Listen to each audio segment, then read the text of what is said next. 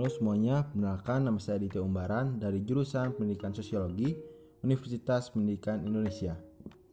Di podcast ini saya akan menjelaskan tentang upaya melawan budaya maya yang merusak dalam masyarakat digital Indonesia. Pada saat ini, perkembangan teknologi semakin pesat dan menjadikan segala aktivitas manusia menjadi serba digital.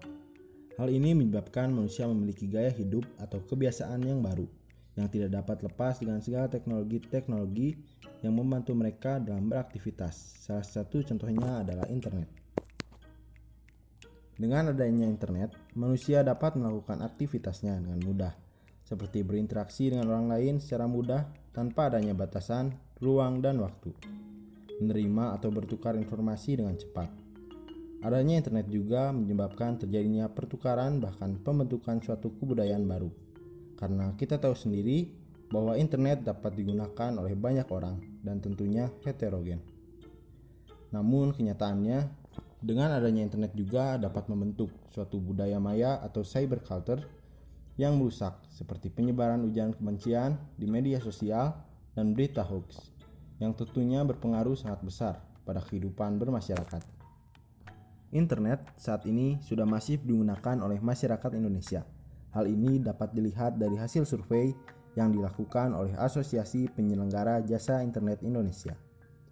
Hasil survei menunjukkan pada kuartal 2 tahun 2020, pengguna internet sudah mencapai 196,7 juta atau 73,7 persen dari populasi. Pengguna internet tersebut tersebar di wilayah Indonesia, mereka dapat melakukan interaksi secara online tanpa harus bertatap muka dan tidak ada batas, ruang dan waktu, berkomunikasi dan bertukar informasi dengan mudah tanpa adanya hambatan. Teknologi internet yang sudah masif digunakan ini telah mengantarkan pada pembentukan budaya baru di tengah masyarakat. Fenomena budaya maya negatif yang saat ini sering terjadi di masyarakat Indonesia adalah beredarnya informasi palsu atau bisa disebut juga dengan berita hoax yang dapat tersebar dengan cepat. Berita hoax tersebut dapat berbentuk teks, video, atau gambar. Berita hoax ini juga biasanya dimuati oleh kepentingan-kepentingan tertentu. Salah satu contoh hoax yang pernah membuat kekacauan yaitu hoax ucapan rasis guru di Wamena yang memicu kerusuhan di Wamena, Kabupaten Jayabijaya, Papua. Kasus ini terjadi pada tanggal 18 September tahun 2019 lalu. Di Wamena ada isu seorang guru yang mengeluarkan kata rasis. Namun, setelah dilakukan pengecekan, isu itu ternyata tidak benar. Namun akibat provokasi tersebut, para pelajar maupun masyarakat melakukan unjuk rasa dan terjadi pembakaran beberapa kantor pemerintah seperti kantor Bapetda, ruko-ruko milik masyarakat, dan beberapa motor juga ikut dibakar.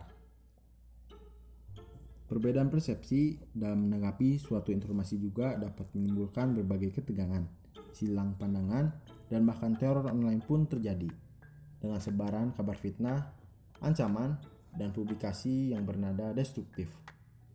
Fenomena-fenomena tersebut harus diatasi karena jika penggunaan internet ini semakin liar dan keluar dari batas-batasan keadaban, maka risiko yang terjadi yaitu munculnya keresahan dan bahkan mungkin juga munculnya konflik yang manifest di masyarakat.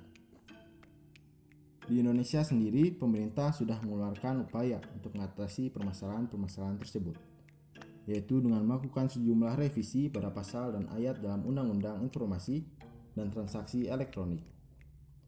Revisi tersebut diharapkan menjadi peredam niat sebagian warga yang ingin menyebarkan kabar atau berita informasi yang tidak benar, baik sengaja maupun tidak sengaja. Selain membuat aturan hukum, masyarakat juga diperlukan edukasi dengan membekali masyarakat dengan literasi digital yang kritis yang dapat membedakan mana informasi yang benar dan yang salah. Media online atau internet ini seharusnya diisi dengan nilai-nilai budaya yang positif yang dapat membantu masyarakat untuk meningkatkan kreativitas ilmu pengetahuan, dan hal-hal bermanfaat lainnya. Hal tersebut dapat dilakukan dengan membuat produk-produk digital dan karya-karya positif dengan tujuan meminimalisir budaya negatif seperti hoax, ujaran kebencian, fitnah, sara, dan yang lainnya Dengan begitu, kehidupan masyarakat digital yang lebih beradab dapat terwujud. Sekian pemaparan saya, Aditya Umbaran, tentang upaya melawan budaya maya yang rusak dalam masyarakat digital Indonesia. Sekian dan terima kasih.